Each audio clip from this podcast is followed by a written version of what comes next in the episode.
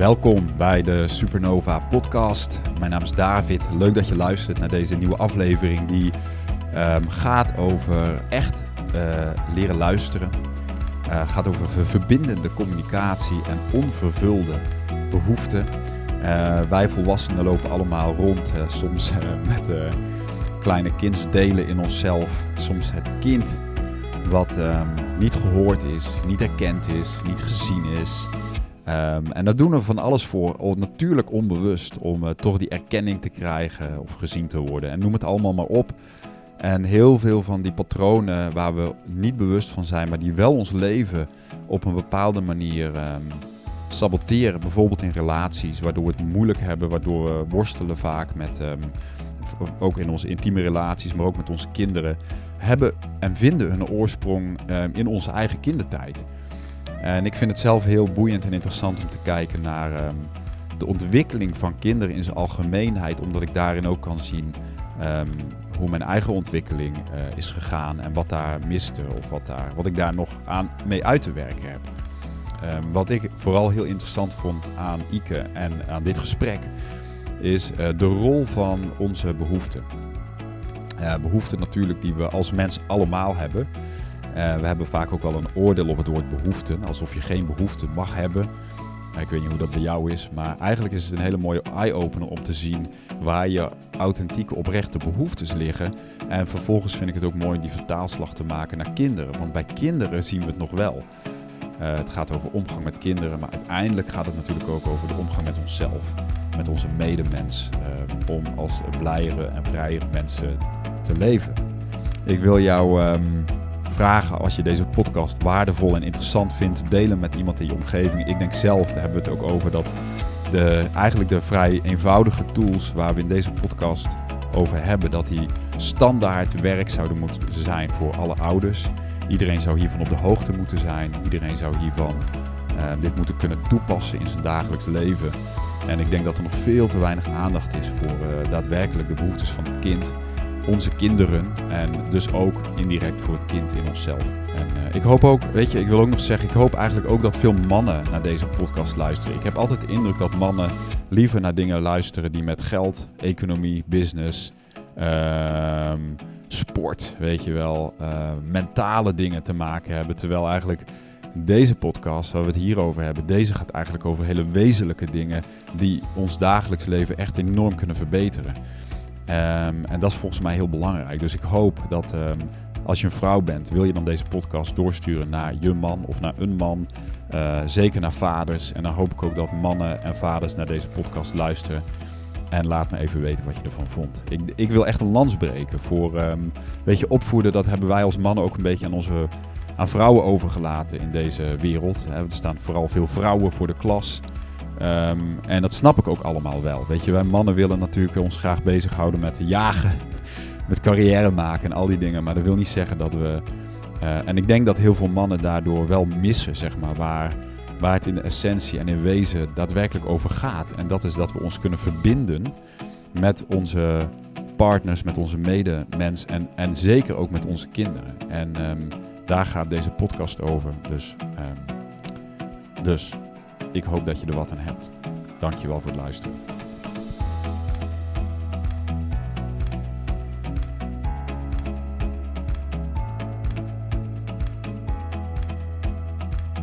Yes. Oké, Ike. Um, behoeften vind ik, uh, vond ik een heel interessant, uh, eye-openend onderwerp.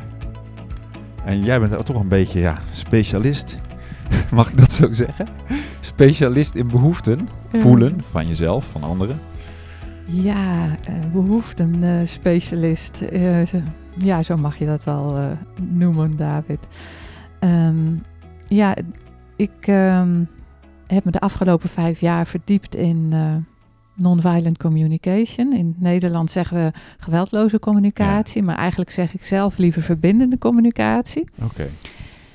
En het is het gedachtegoed van Marshall Rosenberg.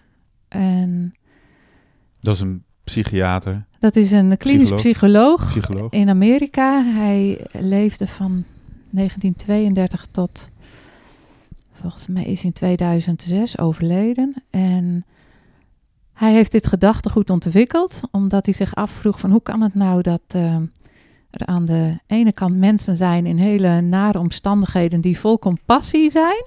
Ja.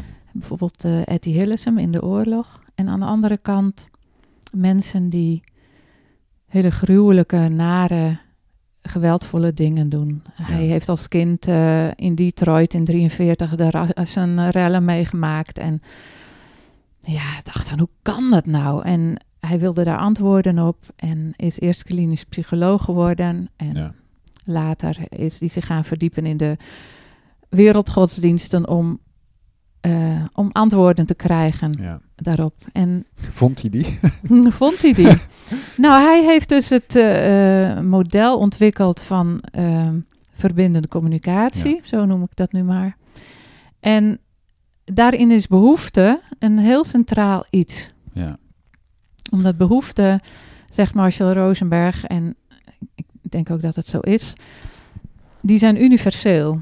Over de hele wereld kennen wij de behoefte aan voedsel, Ja. drinken, beschutting, ehm, authenticiteit, samenwerking, ja. plezier, seksuele activiteit. ehm, ja, Ieder mens, je zou bijna kunnen zeggen, ieder mens heeft wel een- dezelfde behoeftes. Nou, in deze context, wat ik dan interessant vind, is dat we heel vaak niet bewust zijn van onze behoeftes. klopt. Toch? Klopt. En ehm, Marshall Rosenberg die eh, zegt op het moment dat mensen eh, bewust zijn van hun behoeften en heeft daar zelf ook wel hele mooie voorbeelden voor laten zien. Bijvoorbeeld eh, echtparen die al 34 jaar ehm, ruzie maken. Zegt hij van op het moment dat jullie als echtpaar bewustzijn hebben op je onvervulde behoeften, dan duurt het nog 20 minuten voordat je strategieën bedenkt en dan is het probleem opgelost. Ja, dat gebeurde ook. En dat gebeurde ook. Ja, dus eh, in conflictbemiddeling. En Mhm. hij, hij heeft bijvoorbeeld ook eh, tussen Tutsis en Hutus, Hutus, en tussen Palestijnen en Israëli's eh, bemiddeld.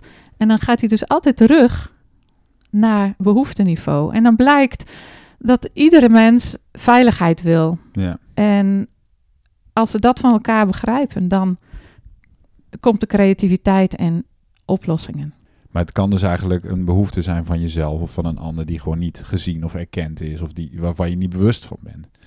Het, het, het eh, gaat inderdaad vaak om behoeften waar je geen bewustzijn op hebt. Hmm. En wij zijn niet gewend om te denken vanuit behoeften. Nee. We zijn meer gewend om Typisch, te hè? denken vanuit oordelen.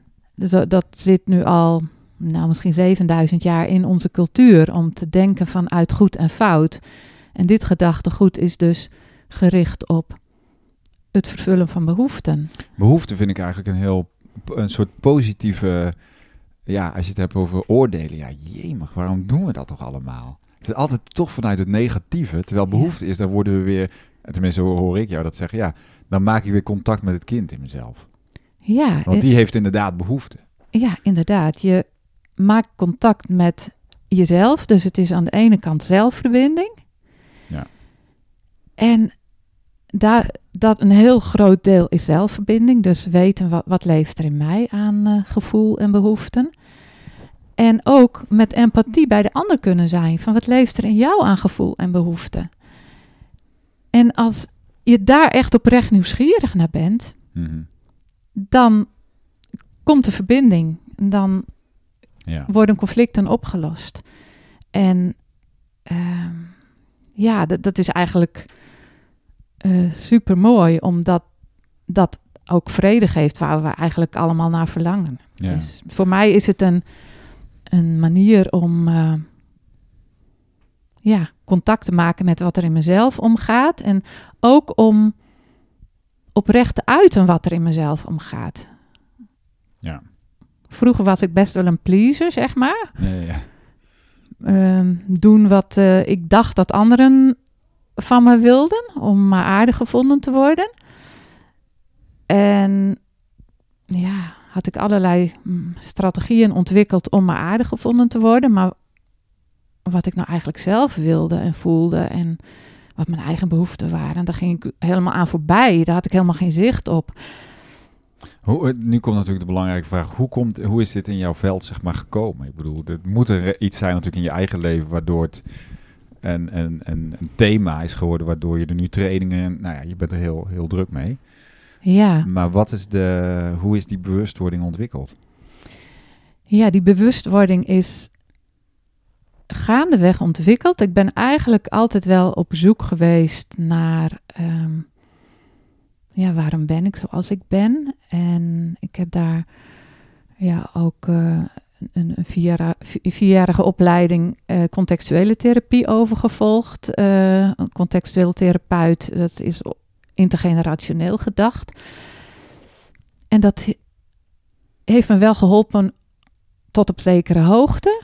Mm maar ik had nog steeds niet het gereedschap in mijn koffer om, uh, om, om me oprecht te uiten. Ja. En uh, ik voelde daar wel een, een behoefte om uh, ja, authentiek te zijn en ook uh, me oprecht te uiten over dat wat er in mij omgaat. Zonder uit verbinding te gaan ik wist eigenlijk niet hoe dat moest. Want het, het was of me stilhouden of... Ja. Um, ja, eigenlijk was mijn manier stilhouden. En niet zeggen wat ik... Uh, ja, hoe iets voor mij was. Of dat. Wat echt belangrijk voor mij was. Ja, dus... Ik denk dat je niet de enige bent.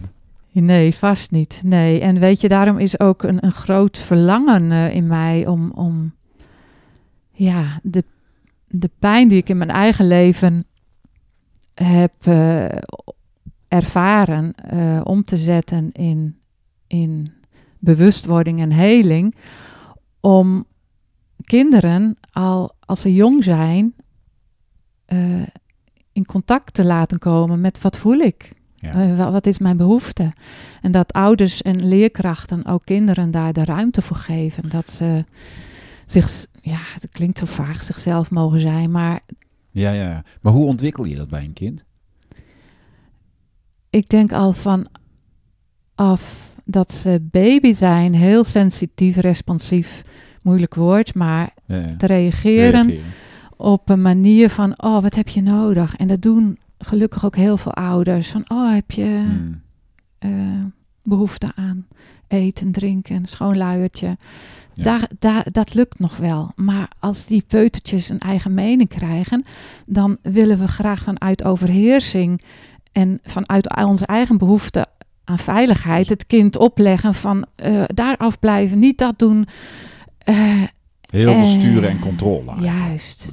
Terwijl als we zicht hebben op onze eigen behoefte aan, aan veiligheid en controle, dat we misschien creatief worden om te kijken van, oh, dat kind is nieuwsgierig en wat wil het kind? En het kind te volgen in in de eh, ontwikkeling daarin. Ja, en, en, niet van niet doen, maar juist uh, ruimte geven en keuzevrijheid, ruimte voor authenticiteit, uh, ruimte voor oh, wat en ook bewustzijn bij het kind door de vragen te stellen van oh, wat voel je en waar voel je het? Het is echt geweldig. Als je aan een jong kind vraagt, waar voel je het? Die kunnen het gewoon nog aanwijzen in hun lijfje. Ja.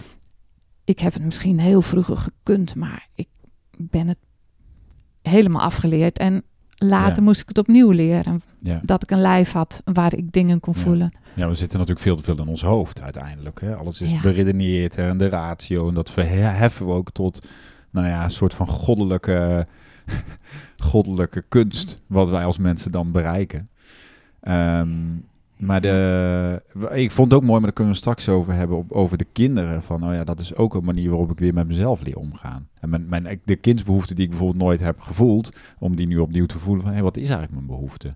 Ja. Uh, maar jij had een heel mooi, ik weet niet of je dat wilt delen, maar jij of wordt het dan heel persoonlijk? Jij vertelde in, in jouw webinar, of in jouw, ehm, waar ik bij was, eh, vertelde jij over een situatie met jouw dochter. Ja, ja. Want ik dacht van, ja, hoe ziet dat er dan praktisch uit? Dat je dus geweldloos mm. communiceert, vooral met je kinderen. Jouw kinderen zijn al volwassen. Ja. Hè, dus we hebben het vaak over kleine kinderen.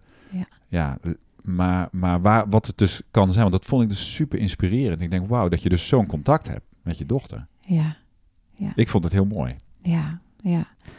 Ja, ja dat, dat wil ik zeker delen. Ehm, ehm, onze dochter die had een miskraam gehad en eh, was daar heel erg verdrietig van. En ze woont op 750 kilometer afstand, dus ze had uh, uitgereikt en gevraagd of we een Zoom-meeting uh, konden hebben, mijn man en ik en, en onze dochter. Ja. En ik zei tegen mijn man we gaan empathisch luisteren. En uh, zei, uh, wat moet ik dan doen? Uh, empathisch luisteren. ik alleen maar met aandacht bij haar zijn en misschien in gedachtenis te denken van, oh, ze voelt zich misschien zo en ze heeft misschien behoefte aan dat, maar je hoeft niks te zeggen. En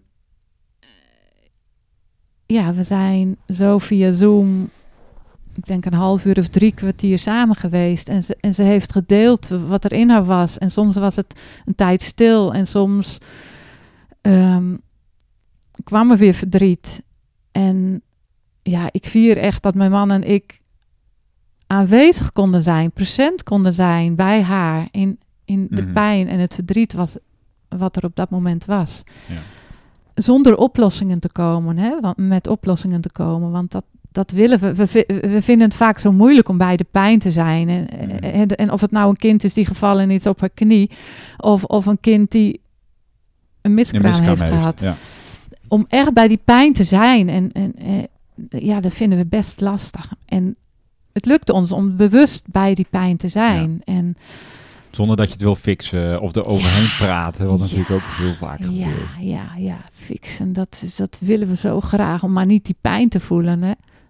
En ja, wat, wat heel bijzonder was en wat, wat ik eigenlijk heel vaak zie gebeuren als ik empathisch luister naar mensen, is dat er een moment komt dat er een diepe zucht komt. En ja, ik vroeg ook, is er nog meer? Nou, en ja, eigenlijk was het wel klaar. je, je merkt dan aan de spreker, in, in dit geval onze dochter, dat het klaar is. En dan komt er ruimte voor creativiteit. En, dat, hmm. en ze ging toen zelf een oplossing bedenken en ze zei: Ik denk dat ik morgen maar mijn yoga-docent ga vragen. Zij kan goed masseren om mijn uitgewoonde lichaam een fijne massage te geven. Ja. Ja. Ja, ze kwam zelf met wat ze nodig had. Ja. Ja. Ja.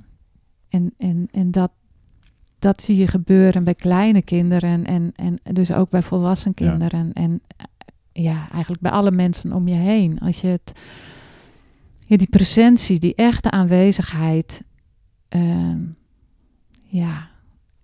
Ja, precies. Aanwezigheid, hè, dat is dan toch vaak de... Is heel waardevol. Is eigenlijk heel waardevol, ja. ja. Nou, ik vond het ook heel mooi dat jullie dat via Zoom deden. Dus dat je dus... Um, je bent niet lijfelijk bij elkaar. En dat je dan toch die space creëert om ja, space te houden voor elkaar, voor alles wat er is in feite. Ja, ja. ja dat vond ik dus, um, ze zeggen wel eens de proof is in the pudding. Ja, ja. Nou ja, dus dan werkt het. Ja, ja, absoluut. Ja. Mooi. Ik, had, ik, had, ik, zei van de taal, uh, taal helpt enorm. Hè? Dus het woord, het woord behoeften, dat triggert al iets in mij om inderdaad, want behoefte, ken dat woord. Ik weet wat een behoefte is. Ik weet wat het is om een behoefte te hebben aan eten. Dus ik kan ook voelen wat mijn emotionele behoeften zijn. Of mijn, Daar kan ik echt wel... Ik denk dat iedereen daar wel contact mee kan maken. Um, meer dan, wat heb je nodig? Wat heb je nodig, vind ik een rottige vraag. Ja, en uh, wat heb je nodig? Dan kom je ook gauw op strategieniveau. Ja van ik heb chocola nodig. Ja, geef me nu die drugs. ja, ja, terwijl het niet om die chocola gaat of, of om dat, dat, dat ecstasy-pilletje. Nee, het gaat om, uh, ja, het, het, eigenlijk vind ik het Engelse woord niet nog mooier. Ja. En, um, maar dat is weer moeilijk te vertalen. Of nou, ik ben blij met de vertaling behoefte, want wat heb je nodig? Dan dat lijkt op niet, maar dat is het. Nee, behoefte is een mooi woord. Niet. Er, is, het wordt natuurlijk wel heel veel gepraat, en daar doe ik zelf ook al mee, over verlangen. Wat is je verlangen? Ja, Maar dat is meestal, dat is toch weer een heel andere energie. Absoluut. Verlangen is een beetje van, uh, ja, wat wil je nog Ja. bereiken of zo? Ja. Of wat is je verlangen? Ja. De behoefte komt veel meer dicht bij eh, mijn kern eigenlijk. Ja, nou, ik, ik ben blij om dat te horen, omdat het bij sommige mensen ook triggert van ik ben niet behoeftig. Je moet niet denken dat ik behoeftig ben, weet je. Dat heeft een, Eh, een, een negatieve lading. Dus ik, ik ben blij, ja, ik, ik vind het fijn dat het bij jou een positieve lading heeft. Het, he- het heeft het bij mij ook zeker.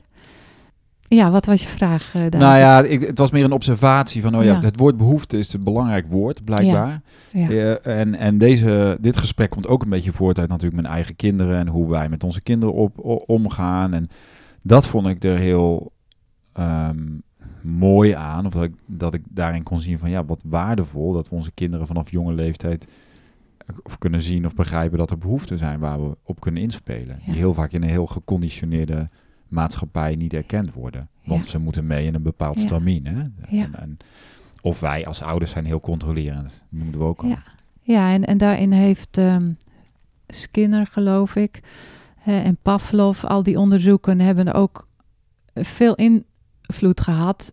eh, dat we eigenlijk eh, dingen die we bij honden eh, hebben ontdekt, dat we die ook op mensen toe willen passen. En dat we Ja. dus eigenlijk een, een kind door een hoepel willen laten springen. Met belonen en straffen. Terwijl ik helemaal geen belonen en straffen wil. Nee. Omdat ik denk dat, het, dat een opvoeding kan zonder belonen en straffen. Ja. Maar wel in, in contact met wat leeft er in Ja. mij. En wat leeft er in jou. En Ja. daar het over hebben. En eh, hoe kunnen we beide behoeften van jou als kind en van mij als, als opvoeder eh, vervullen. Ja. En weet je, kinderen eh, hebben zoveel compassie. Die willen zo graag met jou op weg om jouw behoeften te vervullen. En ook oog te hebben voor hun eigen behoeften. Hè, dus da- daar de balans in te Ja. ja, mooi. vinden. Nou ja, ik denk dat heel veel ouders daar wel mee zitten. Van, ehm, hè, dus de, de, de vraag van wat zijn de behoeften van mijn kind? En kunnen die behoeften kunnen die op allerlei manieren ehm, erkend worden? En is daar oog voor? Dat is Ja. belangrijker dan dat je je leven als ouder dus gaat, je kind gaat pleasen. Absoluut. En weet je, David, behoeften hoeven nog niet eens altijd vervuld te worden, als ze maar erkend en gezien worden. Mhm, Want dat is wat behoeften Precies. graag willen. Die willen gezien Je moet worden. eigenlijk de behoefte eh, zien als een soort entiteit op zich. Hoe entiteit. eh, Oh, een soort kind? eh, en een soort, ehm, jouw behoefte, alsof het een soort van persoontje is die, die gezien wil worden. die gezien ja, wil worden. Nou, ja. nou, dat is toch het innerlijke kind dan, een soort ja, van. ja. En weet je, en als je kind echt weet van, oh, papa ziet wel Ja. wa- wat mijn behoefte is, dan komt er al ontspanning. Ja. En dan, als het dan niet lukt om die behoefte te vervullen, nou ja, een andere keer lukt dat misschien wel. Ja. Ja, mooi. Nou ja, kijk, het, het heeft bij mij ook alweer heel veel dingen aangezet over. Je, je kan dus kijken vanuit verlangen, ik wil iets anders. Of ik wil, maar eigenlijk de, de vraag van ja, wat was eigenlijk mijn behoefte? Als ik ook terugdenk naar bijvoorbeeld keuzes in mijn leven, Ja, die maakte hem wel interessant. Daar kan ik wel wat dieper gaan in mezelf. Van, Ja. oh ja, er zat dus eigenlijk een behoefte onder, die ik eigenlijk niet eens erkende in mezelf. ja, Dus het is wel een enorme, vind ik, hè, vind ik echt een enorme verdiepingsslag om mezelf beter te leren kennen. ja. Ik zag ook dat je, toen je het erover had, de Ja. hand op je buik, hand eh, op je buik, belly, hè? Ja, ja, ja. Ze ze zeggen wel eens hier bij de hartstreek zit het voelen en de, en de behoefte meer zo Oh, in, in de zo? onderbuik. Ja. Interessant. Dat is een goede Ja, ja, intuïtieve... ja, ja, ja, dus ja, De behoeften zitten dieper in het lichaam. Ja. Ja. En de behoefte, eh, er is dus een verbinding tussen gevoel en behoefte. Ja. Dus ehm, als je getriggerd wordt, zijn mensen geneigd om te zeggen van, oh, jij bent te laat gekomen. En nu voel ik me rot, eh, omdat jij te laat bent. Terwijl in het gedachtegoed van verbindende communicatie is de, de waarneming hetzelfde. Dat iemand later komt Ja. dan afgesproken. Eh, hoor je het verschil hoe ik zeg? Te later Ja. zit een oordeel in, maar Ja. later dan afgesproken. Dat is dus de trigger. En als ik daar irritatie over voel, zegt het iets over mijn onvervulde behoeften. Dus dat kan zijn mijn behoefte aan gezien worden. Of eh, als ik lekker heb gekookt en iemand komt later dan de afgesproken tijd in het eten staat te verpieteren. Mhm. Mijn behoefte aan waardering. Of Ja. weet je, ja, je gaat eigenlijk alles, als je dus op die manier gaat kijken, dan kun je alles wat in je, in je veld zich voordoet en waar je dus een trigger bij ervaart, terugnemen naar, hé, hey, wat is mijn behoefte? ja. Je bent eigen, Ja. eigenaar van, Ja. eh, van je eigen gevoel en behoeften. Ja. Dus zit je ook niet in eh, het verwijt en de beschuldiging. Zeg je niet van jij bent te laat. Nee, maar zeg je van oh, je, je was later dan afgesproken. En ik, ja, ik merk dat ik irritatie voel. Omdat, Mhm. ja, eh, eh, voor, voor mij is, is het belangrijk om, om afspraak. ja, afspraak is afspraak is voor mij belangrijk. En ik, ik, ik voel me dan ongemakkelijk als je later komt dan afgesproken. Ja. Dan Hou je het bij jezelf. hou je het bij jezelf. Ja, je gaat ook niet met de vinger wijzen. Maar je uit je wel oprecht. Ja. En dat, dat hoeft niet. Hè? Het kan Ja. ook al voldoende zijn dat je bedenkt: oh, ik voel nu een trigger. Oh ja, omdat mijn behoefte aan afspraak is afspraak, betrouwbaarheid of behoefte aan waardering gezien worden. Alleen al de, de, de zelfempathie noem je dat, hè? De, Ja. de, de bewustwording van je eigen trigger kan al genoeg zijn. Hoe komt het volgens jou dat we heel vaak onze behoeften niet, ehm, onze eigen behoeften, Ja. dus niet eren? Ik denk dat het komt omdat we het niet gewend zijn. Dat we als kind niet hebben geleerd dat de, behoef, de behoeften geëerd dienen te worden, Ja. zou ik bijna zeggen. De waarde daarvan is zit niet zo in ons bewustzijn. En ja, daarom hoop ik ook dat, dat dit gedachtegoed heel wijd verspreid wordt, omdat het eren, ik, ik ben blij hoe, hoe- met hoe je dat noemt. Het is nieuw voor mij. Het eren van de behoeften zo fundamenteel is. Ehm, maar helaas was dat tot, ja, tot voor, voor ik weet niet hoe lang, zat het niet zo in ons. Nou ja, misschien ook omdat we heel erg met denken. overleven bezig zijn geweest. In de geschiedenis van de mensheid. Je had- noemde aan het begin die 7000 jaar. Of whatever, Ja. hoe lang het was. Maar dat we dus nu pas misschien op een beetje hoger op die piramide van Maslow komen. ja, het zou goed kunnen. Waardoor dus op een bepaalde manier, wauw, die, dat reflecterend vermogen hebben. Om na- dieper naar binnen te gaan. Nou, zou goed wat het kunnen. waard is. Ja. Ja. Nou ja, goed, ik zie dat ook wel bij, bij onze kinderen. Van, ehm, ja, hoe, hoe willen we dan in een soort van nieuwe wereld? Ja, dat begint toch bij onszelf. Dat ik mijn eigen behoeften weer ga voelen. En vervolgens dat ook weer aan de, dat we dat doorgeven aan onze kinderen. Ja. Het is eigenlijk allemaal heel in aanwezigheid. Want als ik Ja. niet- ja, dus die aanwezigheid die kwam daarnet ook te sprake in ons gesprekje daarnet, Ja. voordat we de dingen aanzetten, dat het toch die aanwezigheid en die nieuwsgierigheid zo belangrijk is. Ja, aanwezigheid bij jezelf, Ja. de zelfempathie en, en aanwezig bij de ander. De, het empathisch luisteren, eh, aanwezig zijn bij de ander. En, Maar als ik jou hoor, dan is het dus ook een skill die je kunt leren. absoluut. En dat maakt het wel heel mooi. Ja. Het is eigenlijk heel simpel. Ja, je je hebt is- drie elementen: Ja. zelfempathie, empathisch luisteren en oprecht uiten. En dat oprecht uiten doe je dus Vanuit, Doordat je eerst zelf empathie hebt gedaan en weet wat er in jou omgaat. En ja, dus je kunt het leren. Ja, dat is heel hoopvol eigenlijk. Het is ook, Ja. ja, Nou ja, het ging zo ver dat ik toen ik jou in die, in die webinar hoorde en, en mijn eigen, moet je mijn vorige podcast maar luisteren, dat ik dacht van ja, eigenlijk is dit basiskennis. Ja. Eigenlijk moet iedereen dit soort van ja, weten. ja, Eh, want ja, dan, ik weet niet of de kinderen dan een voorsprong hebben in het leven, maar in ieder geval, het maakt het wel makkelijker om authentiek te leven. Want als je van jongs af aan, als ik aan mezelf denk, ja, als je van jongs af aan weet wat je behoeften zijn, ja, maakt het leven een stukje makkelijker, denk ja, ik. absoluut. Dat je behoeften er mogen zijn. Dat je niet allerlei overlevingsstrategieën hoeft te ontwikkelen die je dan later weer af moet Precies. leren. Ja. weet je, ik denk als kinderen op deze manier in het onderwijs en door ouders eh, worden bejegend, dat er later heel uh, wat minder therapie hoeft uh, gedaan te worden. Nou ja, ik bedoel, we, we, komen om van de therapievormen, omdat ze ja. blijkbaar ook hard nodig zijn. Hè? Ik bedoel, ja. Ik ben blij met iedere vorm van therapie die er is, als die me helpt. Absoluut. Maar het zegt ook wel iets over hoe ver we ja, verwijderd zijn van onszelf. Ja. Dus ja. het is ergens ook triest. Ja, ja, ja.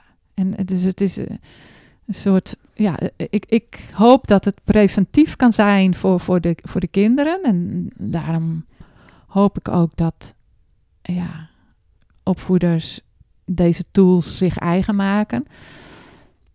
En, uh, kun, je, kun je een paar, paar tools, jij noemt het tools, tips, die helpen bij, zeg maar, om die empathie te vergroten? Of op die behoefte te, om daar meer, zeg maar, op af te stemmen? Ja, het is aanwezig zijn. Dus uh, ja, en dat is natuurlijk wel een competentie die middels, ja, die ik middels meditatie meer heb ontwikkeld. Ja.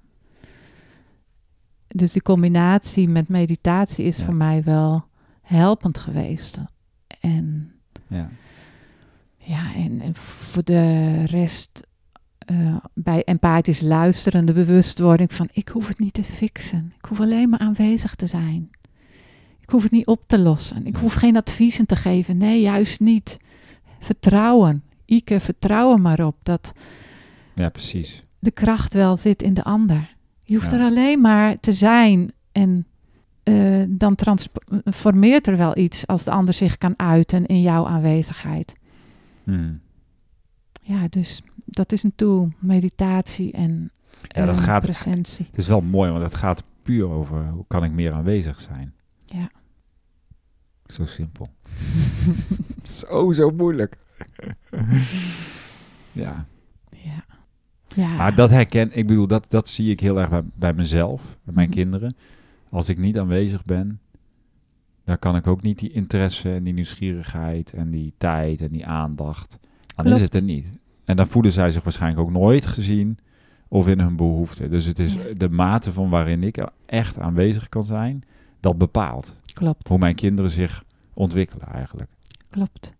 Het begint bij, eh, bij zelfempathie. Ja. En het is een soort, ja, stel je voor drie baans weg. Als jij vol zit in je hoofd met van alles en nog wat, dan heb je niet de ruimte om empathisch aanwezig te zijn bij je kind. Om Nee. op die derde baan te zijn, zeg maar.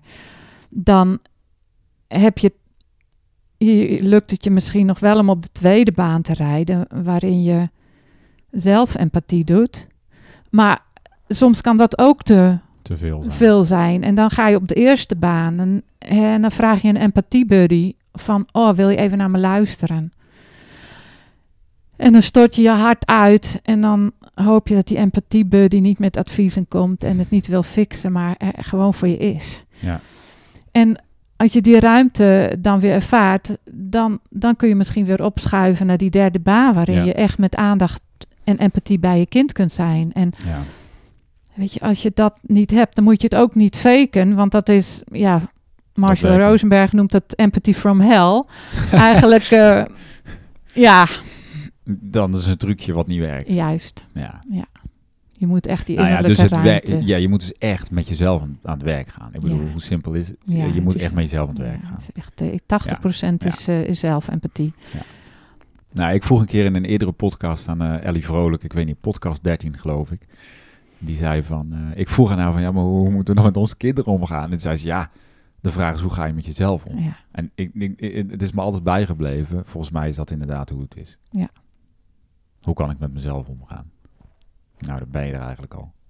Als ik dat, als ik dat trucje, of als ik Ja. dat, hè, als ik mezelf kan, dat wij als volwassenen met onszelf kunnen omgaan, nou, dan kunnen we ook wel met onze kinderen omgaan. en eh, doorhebben en echt bewustzijn hebben op onze eigen behoeften en Ja. gevoelens, dan eh, Precies. gaat het ook wel, eh, ja, dan gaat het eigenlijk vanzelf naar de kinderen toe. Ja, dat is soms dus inderdaad al zo simpel als ehm, dit, dit, dit, van waar, waar, liggen mijn behoeftes? Maar nog even in het begin zei je dus over ehm, ehm, luisteren. Je noemde dat niet empathisch luisteren, maar je noemde dat de verbindende communicatie. Ja. Kun je daar nog even iets... is dat iets anders dan empathisch luisteren? Nou, het, je, je kunt het je zo voorstellen. ehm, v- geweldloze communicatie, wat ik dus liever verbindende Ja. communicatie noem. Zou je je voor kunnen stellen als een boom. En dan de, die boom van verbindende communicatie. De stam is dus zelfempathie, waar we het net over hadden. Mhm. Dus wat leeft er in mij aan gevoel en behoefte? Dan is er een grote stam. En dat is empathisch luisteren. Dus wat leeft er in de ander de aan ander. gevoel en behoefte? En de andere tak, of, of Takking. dus één tak eh, is empathisch luisteren. De andere grote tak is oprecht uiten. Ja. Dus dat wat er in mij leeft, oprecht te uiten in woorden van gevoel en behoefte. Dus dat is eigenlijk het hele model. Ja. Dat, die drie onderdelen met de, in de stam, die zelfempathie, dat, en de takken, empathisch luisteren en oprecht uiten. Dat is eigenlijk het hele model. Eh, Is het oprecht uiten het moeilijkste of wordt het makkelijker in jouw beleving? Naarmate je dus meer ehm, zeg maar contact hebt met je eigen behoeften. Als ik het heb over conflicten en relaties Ja. bijvoorbeeld, dat voorbeeld. Het is soms heel lastig om je echt je te uiten van ja, wat, wat. Om authentiek jezelf te uiten. Ja, ja het, het is denk ik voorwaarde om je oprecht te kunnen uiten. E- eerst de verbinding met jezelf en de zelfempathie. En weet je, daar kun je wel hulp bij krijgen. Dus ik doe ook wel relatiebemiddeling. En dan doet eerst de ene het verhaal en dan haal ik daar het gevoel en de behoefte uit van... Goh, David, eh, klopt het dat je je zo voelt omdat je behoefte hebt aan keuzevrijheid, noem nou maar wat. Ja, nou, dat hoort de ander dan. En ehm, dan mag die zijn verhaal doen. En dan haal ik daar gevoel en behoefte uit. Dus ehm, Ja, precies, omdat mensen het niet altijd zelf kunnen eruit halen. juist. Want dat is het hem uiteindelijk. Hè? En dat is fijn dat je dan Ja. iemand hebt die gist. Van, oh, klopt het dat je je eh, ongemakkelijk voelt? Omdat je behoefte hebt aan Noem vrijheid, noem maar. Ja. En dan eh, weet je, je, je hoeft niet raak te schieten, maar dan, dan gaan Ja. mensen wel denken van, nee, nee, Ike, het is geen behoefte aan vrijheid, het is meer behoefte aan ehm, zelfexpressie. Noem maar wat. Eh, eh, dus door dat gissen blij, eh, kom je in een flow, word je eigenlijk geholpen om contact te maken met je behoeften. Nou ja, het is wel, het is wel zo simpel als ik naar mezelf denk. Als ik even gewoon eh, een, een, een situatie naar voren haal. Ja, als je eenmaal gezien bent in een behoefte, ja. dan is het vaak al goed. Ja, het gaat o- niet Waarom het zo is, weet ik niet, maar het Ja. werkt zo, Ja. blijkbaar. En weet je, mensen die gaan heel vaak voor gelijk. Ja, En eh, als ze zicht krijgen op de behoefte, dan is er ook de drang om gelijk te hebben, is Ja. niet meer zo groot. ja precies, ja. Ja, mooi. Ehm, even kijken, kunnen, moeten we hier een, eh, richting een eh, einde? Of is er nog iets wat jij wil toevoegen in het, in het geheel? Ja, ik, ik wil nog graag de, toevoegen het verschil tussen behoefte en strategie. Heb je Ja. dat al duidelijk gemaakt? Nee, heb ik eigenlijk ook nog niet duidelijk. Nee, hè? Nee, goeie. Nou, behoefte is universeel. Ja. En een strategie is een manier, een, is eigenlijk een oplossing. Oké. Ehm, Nou, jij hebt een andere eh, ehm, eh, associatie op het woord strategie dan ik. Oké, nou, het, Ja. weet je, eh Ilke en ik ehm, zijn verschillend in het, eh, de behoeften. In, ehm, Ilke is mijn man, hè. Ehm, hij heeft meer behoefte aan avontuur. Ik heb meer behoefte aan veiligheid. Lekker knus Bij de thuis. open haard. Ja. Nou, we hebben het gehad over hoe gaan we onze vakanties eh, doen. Nou, voor mij is steeds een ander hotel echt. Dat vervult niet mijn behoefte aan veiligheid. Steeds weer een andere plek, andere geur, een andere. Nee, ik, ik, vind, ik word er echt. Ik had vroeger ook altijd heimwee, dus nee, ik, ik word er ongelukkig. eh. Ehm, en toch wil Ilke weg op avontuur. Ja. Dus zijn behoefte aan avontuur wil ook vervuld worden. Dus zijn we op het idee gekomen om een caravan te kopen. Zodat ik mijn eigen huisje heb. Oh, met mijn eigen breiwerkje in mijn kastje. En eh, mijn boeken. En eh, mijn eigen veilige En heeft hij ook echt plek. het idee dat hij nog wel avontuurlijk kan. eh, En, Toch en- wel. En toch wel, ja. ja. Dus voor- hem is... Dus wij hebben een strategie bedacht... die jullie beide mijn behoeften. behoefte aan, aan veiligheid vervult... en zijn behoefte aan avontuur. Ja. Precies, dat bedoel je met strategie. En Ja. weet je, als ehm, ik was gekomen van... Il- Ilke, ik eh, wil niet op reis... dan hadden we gekissenbist over wel of niet op reis. En waren we er nooit uitgekomen. Ja, precies. Ja. Maar dan gaat hij zonder jou op avontuur. Ja, Ja. dat, Kan dat ook zou ook een strategie Ja. kunnen zijn. Ja. Zo van, nou jij wil zoveel avontuur. Ja. Ga jij maar lekker... maar eh, we hebben ook behoefte aan verbinding. Ja, En eh, dit is dus een, eh, een, een, strategie die ook die behoefte aan verbinding vervult. Ja, is mooi. Ja. Ja, want alleen op prijs zou hij ook niet gelukkig van worden. En, eh, Nou, het is wel heel mooi, want het voelt, niet als een, het voelt niet alsof je een compromis maakt, zoals jij het vertelt. Voelt het niet als dat iedereen het water is bij de ook, wijn eh, moet. nee, dat, eh, dat, Ja, de dat is het gevaar dan, hè? Zo van, nou ja, één gaat dan inderdaad water bij de wijn doen. Maar dan kom je weer terug op dat je eigenlijk niet eerlijk bent ten opzichte van je eigen behoeften. klopt. Dan doe je jezelf weer geweld aan. Ja, eh, dat is mooi. Dan doe je jezelf geweld aan. En dan vind ik wel weer leuk geweldloze communicatie. Oh ja, precies. Die, die term. Want het is een manier waarop je jezelf niet geweld aandoet. En de ander ook niet. Omdat ook je eerlijk bent naar, eh, naar je behoeften. En, Ja. en daar ook eerlijk in uit. Nou ja, het is natuurlijk wel een heel ding. Ik denk dat we elkaar of onszelf heel veel in, in onze westerse maatschappij geweld aandoen. Onze Ja. behoeften, onze lichamelijke behoeften. Hoeveel mensen zijn niet ziek? Ja, Om, of stress, burn-out, dat is natuurlijk ook jezelf voortdurend geweld aandoen, eigenlijk. Ja. Omdat je waarschijnlijk je behoeften niet voelt. Die behoefte aan zelfzorg, Ja. behoefte aan rust, behoefte Ja. aan ontspanning. Als je daar geen contact mee hebt, maar wel behoefte Ja. hebt aan gezien worden, dan draaf je misschien Totaal grenzeloos door en hard werken. En eh, Ja.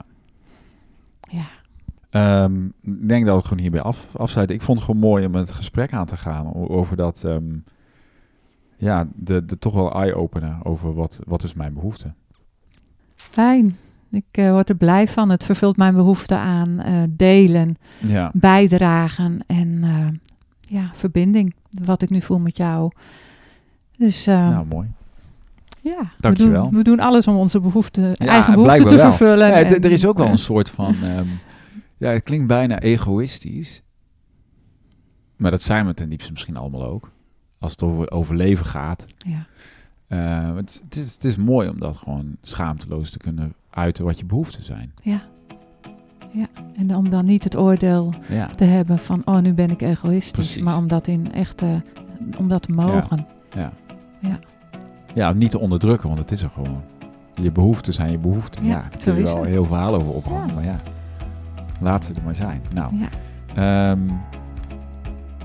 wat wil ik nog meer zeggen? Nou, daar laten we het even bij. oké. Dankjewel. Ja, heel fijn dat we dit eh, konden doen samen. Ja, wil je meer weten over deze podcast? Kijk even op eh, davidpieters.com. Laat even een... Oh ja, wat ik altijd zeg. Als je deze podcast waardevol en interessant vindt, deel hem even met iemand in je omgeving. Eh, laat even een review achter in de Spotify of de Apple eh, iTunes app. En dan hoor je mij volgende keer weer met een nieuwe podcast. Dankjewel. Doei.